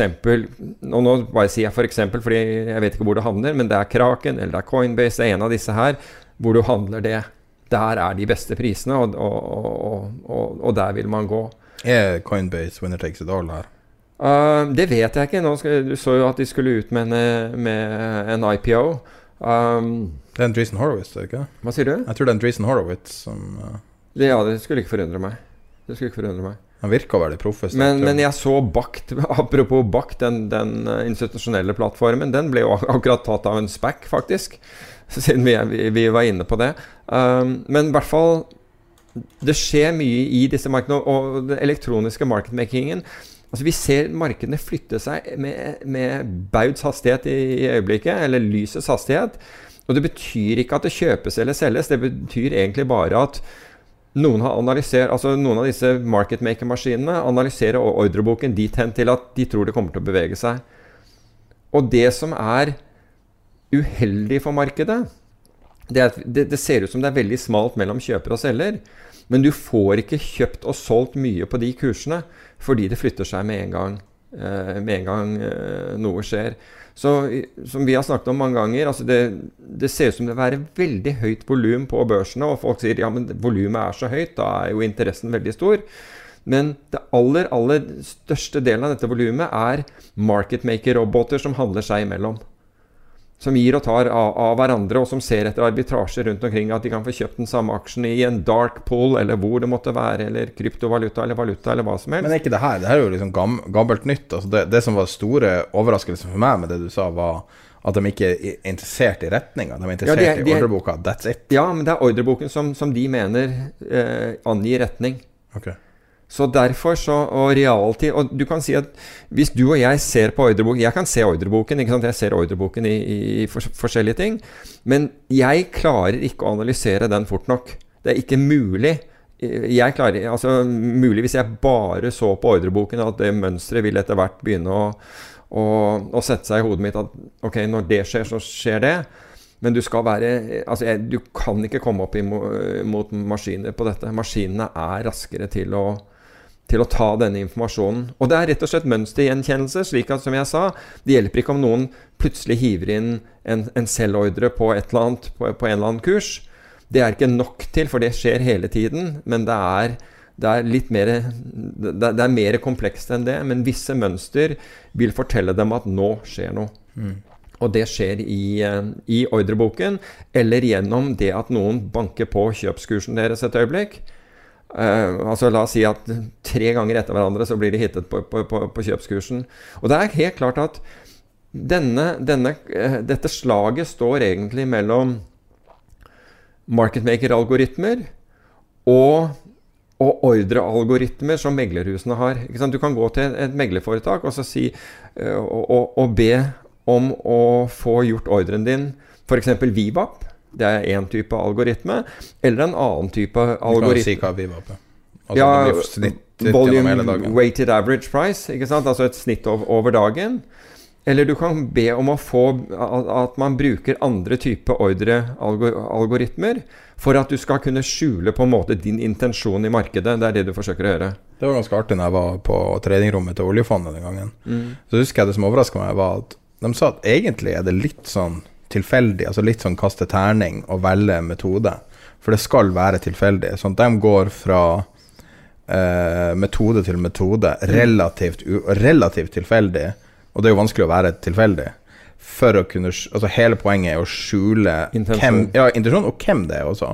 Ja. Fordi at folk vet at, uh, at NBIM betyr uh, reell, reell kjøper, og mm. det er masse penger bak det, og begynner å flytte prisen, og du får slippage. Og for, de, for deres andel så var det det det viktigste momentet da, det er jo noen år tilbake, da, Ja. var å måle å minimere slippage, få minst mulig prisbevegelse på kjøpsøyeblikket. Da. Nettopp, og det kan du jo randomisere ikke sant, gjennom en algoritme, det også. ikke sant, At den tilfeldigvis plukker ut forskjellige ordretyper som du skal bruke, Ja. eller ordrealgoritmer. Men på den andre siden, altså, den andre, altså på den andre siden av um, på den andre siden av ringen, holdt på å si, den, den du slåss mot, er marketmaker-algoritmene, som da gjør sitt beste for å avdekke din intensjon. Det er de de gjør. Så her er det datamaskiner som slåss mot hverandre, og ting som kunstig intelligens og maskinlæring og sånt noe som blir benyttet i forsøk på å fange opp endringene. Det, ikke sant? Altså, visse ting betyr sånn. Nå er, er det dette her som gjelder. Og det er det som gjør at vi får så store intradag svingninger, eller svingninger f.eks. i løpet av en halvtime eller ti minutter, eller et eller annet sånt, fordi de har blitt vesentlig større i de siste måneden. Det er rett og slett fordi disse, disse marketmaker-algoritmene trekker seg med en gang de ser et volum. Ja. Og det er på en måte det de gjør, da. Og du kan si at hvis du i tillegg, da, la oss si at du, du stiller prisen på bitcoin i norske kroner, som jeg vet at eh, jeg tror det er Norwegian Blockchain som gjør. Da, ha, da har du spredd den på bitcoin, og da har du spredd den på valutaen i tillegg. Så da er det algoritmer som da skal Da søker de valutamarkedet for å få Altså når de for, for å omregne dette her, for å være helt sikker på at de tjener penger, så vil du verken få den beste egentlig bitcoin-kursen eller den beste valutakursen. Men det, det betyr ikke at du får en dårlig kurs. Nei. Men du vil aldri få den skarpeste kursen der, fordi det er det som maskinen tar som, tar som, eh, tar som gevinst. Og så har du det, nettopp det som det har vært snakk om, dette med, dette med å betale for flow. Sånn som, uh, sånn som Robin Hood gjør, da. Hvor de uh, Eller Nei. de blir betalt, ikke Ja, sant, av Citadel, ja. Citadel. Så Citadel betaler da for denne flowen, fordi de regner den flowen De regner at den flowen de får, altså med andre ordner, ordrene de får fra Robin Hood, har informasjonsverdi. Det de har funnet ut nå, bl.a. som følge av GameStop Robin Hood-saken, det er jo at man skal forsøke å kutte ned oppgjørstiden med med, med én dag. Ja. Det er Um, T pluss to nå. Nettopp. Slik at man Fordi det mener man, da får man frigjort øh, penger mye raskere. Og det er jo helt riktig. ikke sant? Du får frigjort marginene, sikkerhetsmarginene mye raskere. Og det vil gagne markedet hvis du kan gjøre oppgjøret raskere. Kan jo hende at de, at de gjør det. Altså, hadde, hadde, altså Nå er ikke blokkjede i stand til å håndtere det volumet. Men hadde du kunnet gjøre dette uh, via blokkjede, så med andre ord øyeblikkelig oppgjør i, i sånt volum, så kunne det vært en enorm eh, fordel også. Fordi du, Men er ikke en av problemene at det krever jo masse strøm for å gjøre oppgjør? Altså for å gjøre en transaksjon. Det er jo ikke bare mining som krever strøm. Nei, nei, nei, det er riktig, det. Og det er det som er så bakvendt. Liksom. Sitter man her og snakker om alt skal være miljøvennlig, og så finner man på en ny måte der du Altså, penger, altså penger er Det er mye problem med cash, men Ja. det bruker nå i hvert fall ikke like mye strøm som et land, liksom. Nei, men, men du kan si at uh, i, i den debatten så har vi ikke brydd oss mye om energiforbruket i en hel haug av, av ting som har på en måte gagnet menneskeheten heller. Nå, nå altså, en Facebook-like har jo en strømkostnad. For eksempel. Alt har en strømkostnad. Å høre på denne podkasten har en strømkostnad, Ja, men i- kanskje ikke men det er vel verdt det. Kanskje ikke på størrelse med New Zealand sitt strømforbruk, eller hva det er som er bitcoin. I det øyeblikket podkasten drar den, så I det, det øyeblikket du hører på, på Du velger tid er penger på Spotify, og, og lyset går i New Zealand, da jeg vet, jeg vet ikke om, om vi skulle ta det som positivt eller negativt. Nei, men, men du, du, skjønner hva jeg mener. Altså, jeg vet at du er pro krypto og sånn, men hele den der strømproblematikken er vanskelig å ignorere. Altså, jeg, jeg, jeg er pro innovasjon, jeg. Og, og, du kan si jeg, jeg er pro innovasjon. Jeg er, eh, jeg er anti den må... Altså, jeg er anti den Fiat-valuta-tanken. Altså at du kan bare trykke opp og trykke opp og trykke opp uh, uh, penger, slik det er gjort. Altså, det er jo litt som altså, Du har en leilighet, og så la oss si at du låner opp den der leiligheten fullstendig. La oss si at du bare tar et tall at det er fem millioner. Det er det du kan låne på. Og så går du tre dager senere til banken og så vil du låne fem millioner til på, den, på samme leiligheten. Så sier banken ja, men det er bare verdt fem millioner. Ja, hva Spiller det noen rolle? Nei, her har du fem til. Og så kommer du en uke etterpå og så sier du jeg vil ha fem millioner til. Jeg. Det er jo det man gjør i Det er jo det sentralbanken gjør. Det er mindre og mindre eh, eh, BNP, altså bruttonasjonalvekst, eh, altså bruttonasjonalprodukt, bak hver eneste dollar. Det fins ikke gull bak det. Eller hvis det er det, så er det mikroskopiske mi, mikroskopisk antall. Um, og, og, man bare trykker penger uten å ha noe bak det, annet enn et løfte. Et politisk løfte. That's it. Ferdig. Du vet hvorfor man gjør det? Altså hva det er? Altså de her fire sentralbanklederne det, det er Alle sammen har studert depresjon i USA, der man ikke gjorde noe. Mm. Og man lot USA ta den fulle og hele støyten mm. av spekulasjonsbobler på 20-tallet. Og det, det, gikk fra 1929 til 1935, tror jeg, før det bunna ut. Og da hadde de her eh, De heteste aksjene hadde falt fra Altså 99,9% liksom. Det var mm. Og du hadde Du hadde jo en stor vekst etterpå, bl.a. pga. verdenskrig. Men du hadde jo enormt med dødsfall, og, og du hadde enormt med tragedier knytta til den dype, dype bølgen som var. Mm. Uh, og det er det de prøver å unngå. Det er det som er hele liksom, teorien bak alt. Ja.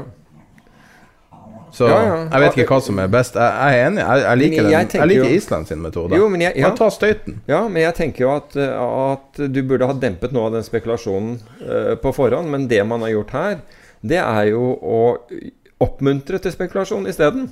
Altså Her gikk vi ut av finanskrisen, og så oppmuntrer man til spekulasjon. Og i økende grad oppmuntrer man til, til spekulasjon ved at man aldri Altså, Du kan ikke ha en 10% korreksjon i markedet 20 uten at det, det går helt av staur. Ja, men det er jo for folk er belånt. Altså, De har, ja. de har jo ti, ti, ganger belåning på alt. Okay. De, ja, hva skal du da gjøre når renten går opp? Hva er det du da gjør når, når, når renten går opp?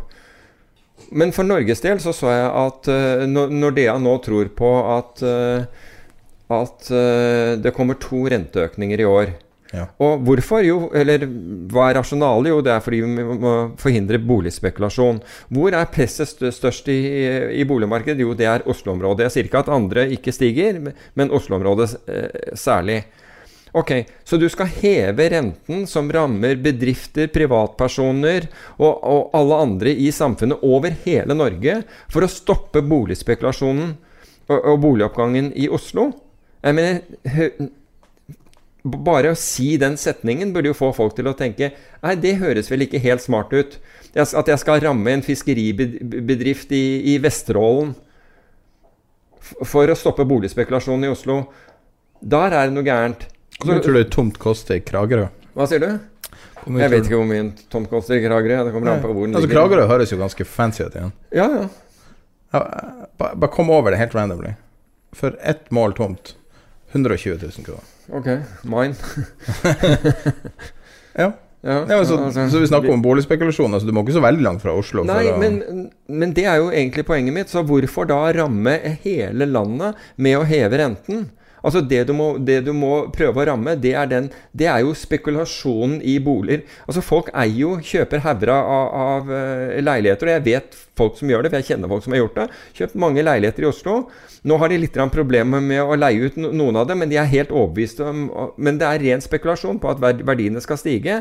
Og de er ikke bekymret for at disse leilighetene blir stående tomme, eller at de får inn mindre leie enn det kostnadene er, fordi de, eh, verdien stiger likevel. Da er det jo det du må ramme. Det er samme også, som og det, bitcoin. hjelper Men det er jo samme som bitcoin. Og La meg bare slå et slag til, da. Sin- Since I'm on a roll. Og det er med å heve, de, med å heve med eiendomsskatten og, og formuesskatten. Det sitter masse eldre mennesker i Norge som har kjøpt sine boliger da disse boligene var brøkdelen av hva det er i dag. I dag er de pensjonister, og så øker man eiendomsskatten, og så øker man formuesskatten, og de er blitt formuende rett og slett fordi boligene deres er blitt mer, mer verdt, og så skal de betale mer eiendomsskatt pga. det. Tror du pensjonen stiger tilsvarende? Svaret på det er nei. Så hva skal du da gjøre som, som pensjonist? Jo, det er at du må selge den boligen som du ønsket og drømte om å bli gammel i, til fordel for en leilighet et eller annet sted som du ikke hadde, hadde, lyst til å være, fordi du har ikke råd til det. Hvorfor skjer dette? Fordi de eldre pensjonistene de er jo ikke på en måte den velgergruppen som politikeren give a damn about. Det er det som, det som er, er fakta her. Det spiller ingen rolle, fordi det er ikke de de, de skal på en måte blidgjøre. Og dermed så oppstår det ekstreme skjevheter ved at du bare pumper dette her opp. Skattetrykket snakker jeg om. What? Hvordan er veistandarden på Oslo vest nå? Veistandarden på Oslo vest? Det, det, jeg, har jo den der, den der veien. Det er jo den der ene veien som jeg, jeg stadig snakker om, som jeg kjører, kjører, har kjører Ja, gjennom. Ja, den der Odins gate, den? Den, den brukes nå til å tre teste forsvarsmateriell. Hvis du klarer å kjøre, klarer å kjøre en, en en, militærspekka kjøretøy gjennom den der uten at noe detter av, så er du godkjent. Da, da får den høyeste Nato-godkjennelsen. Ja, men, Jeg prøver å tenke flere rants du har hatt. ja, men det, altså, det, er, det er jo flekker av asfalt og, og, og, og løse brostein. Er du en av dem som tror at det er en konspirasjon mot Oslo vest, at de er dårligere å strø på Oslo vest enn resten av Oslo? Nei, det, jeg, Det en- det har jeg ikke faktisk det er en konspirasjon. Jeg, jeg, ja, ok, men jeg, jeg, var ikke klar over at de var dårlige til å, til å Nei, at du blir salta sist der, bare for å være jævlig med dem, det er en konspirasjon. Jeg vet at det er dritglatt opp til Movatn stasjon på, i, i helgene, men annet enn det, så Men, eh, men der er i hvert fall måkt. Det skal de ha. Ja.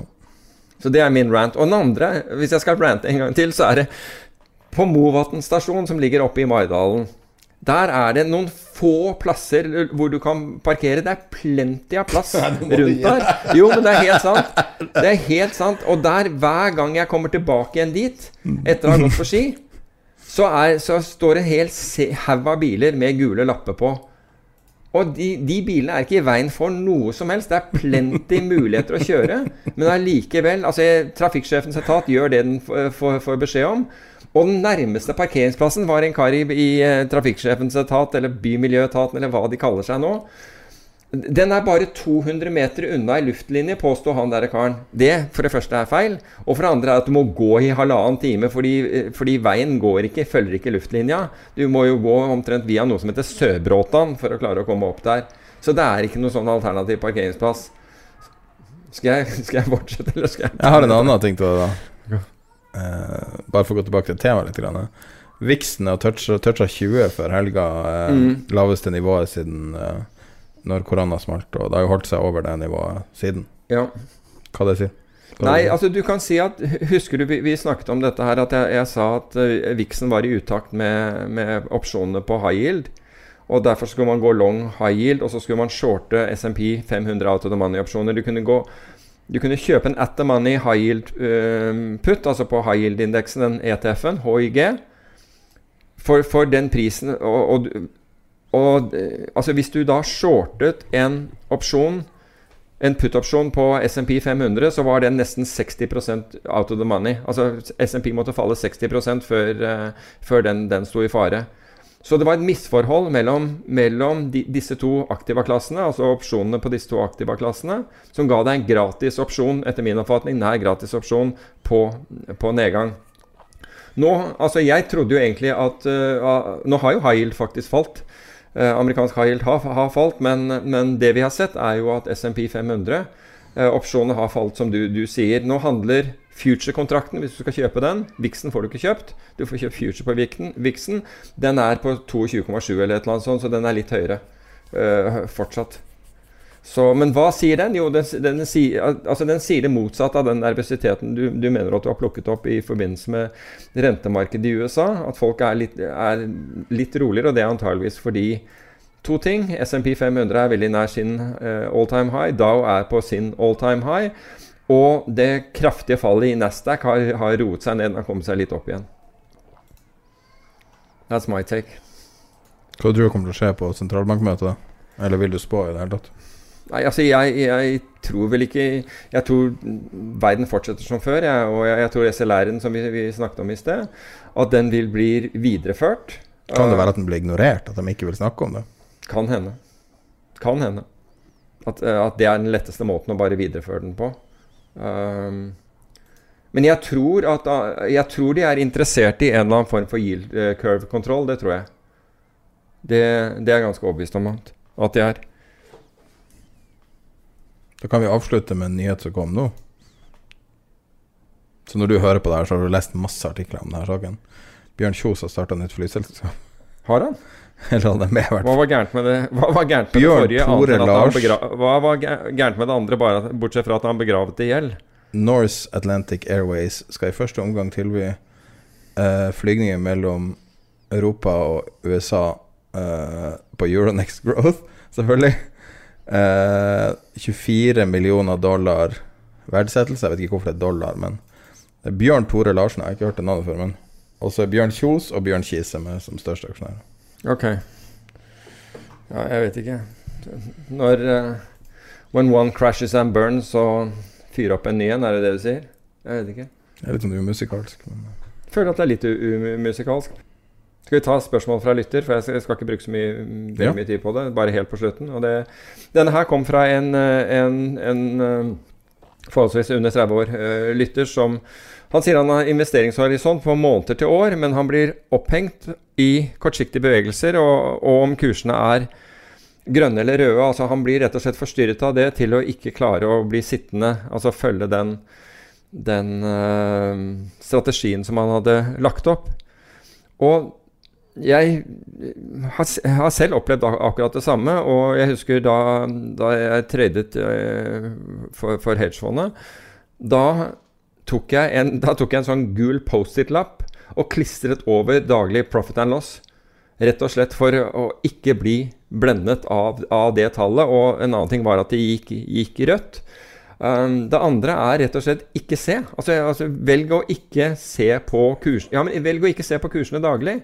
Hvis du, har, hvis du sier til deg selv at 'dette gjør jeg for én måned eller ett år eller, eller eller pensjonen min', ikke se på det daglig. Det er ikke noe vits i. Det, ikke, det kommer ikke noe godt ut av det.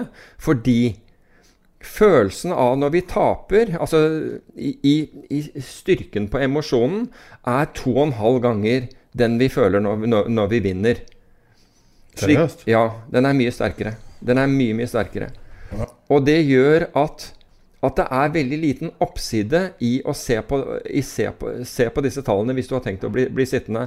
Fordi du kommer til å bli mellomfornøyd hvis, hvis tallet er grønt, og du kommer til å bli eh, sur og tverr hvis, hvis, det går den gærne veien. Så la være å se på det. Alternativt Alternativt er at du har for stor eksponering. At det der, du bryr, altså, F.eks. en 10% nedgang har du ikke råd til. La oss si, si det. Da Da ville jeg redusert posisjonen min til, til, til, jeg fikk ro. Det var min greie. Hvis jeg våknet opp i løpet av natten og var bekymret for posisjoner, så ville jeg begynne å kutte de neste morgen når jeg kom på jobb. Så ville jeg med en gang begynne å kutte, kutte de til jeg sov ok. Og, vi, og hvis det betød at jeg måtte ta ut hele posisjonen, så, så, var det sånn det var. fordi da tenkte jeg at underbevisstheten min forteller meg noe, og, og, og, dette bør jeg ut av. Så det er ikke eksponer deg for, der, for det ubehaget hvis du ikke må. Og så ville jeg bare helt sånn til slutt, fordi jeg så Jeg hadde vel en Jo, det var uh, Jack Schwager i en av disse bøkene, uh, 'Market Wizards', sier det utrolig godt. 'Failure is not predicative'. Med andre ord, hvis du, gjør, altså hvis du har tapt i dag, hva, hva, det måtte være, om det er i markedet eller du har mislykkes med et eller annet, det er ikke prediktiv. Med andre ord, det betyr ikke noe for din fremtid. Så hvis du går på trynet, om selskapet ditt går på trynet eller noe, det har vist seg, og dette er mye studier som er gjort på det, det er ikke prediktiv på at, at det dermed Altså at du mislykkes i, i, i, fremtiden. Og Det er ganske viktig å huske på det også, fordi alle føler seg eh, banka opp når det går gærent. Og alle, Det er veldig lett å, å fortsette med den, den, følelsen i kroppen. Men studiet viser at det er ikke predictive. Gå på igjen. Ja, da kan vi vel avslutte episoden med de. Og da eh, var det 99 episoder i, eh, i boks. Og eh, litt sånn bak forhenget her har det vært ganske kaotisk dag. Uh, og hvis vi, vi, er på et litt sånn provisorisk studio nå. Vi får se litt hvordan vi, vi hvordan vi løser det framover. Men så beklager hvis det har vært litt bitte litt bakgrunnsstøy. Men det forsvinner til neste gang. Og så er vi tilbake med nummer 100 om to uker. Kanskje ei uke, vi får se. Når vi går over til nye oppsett.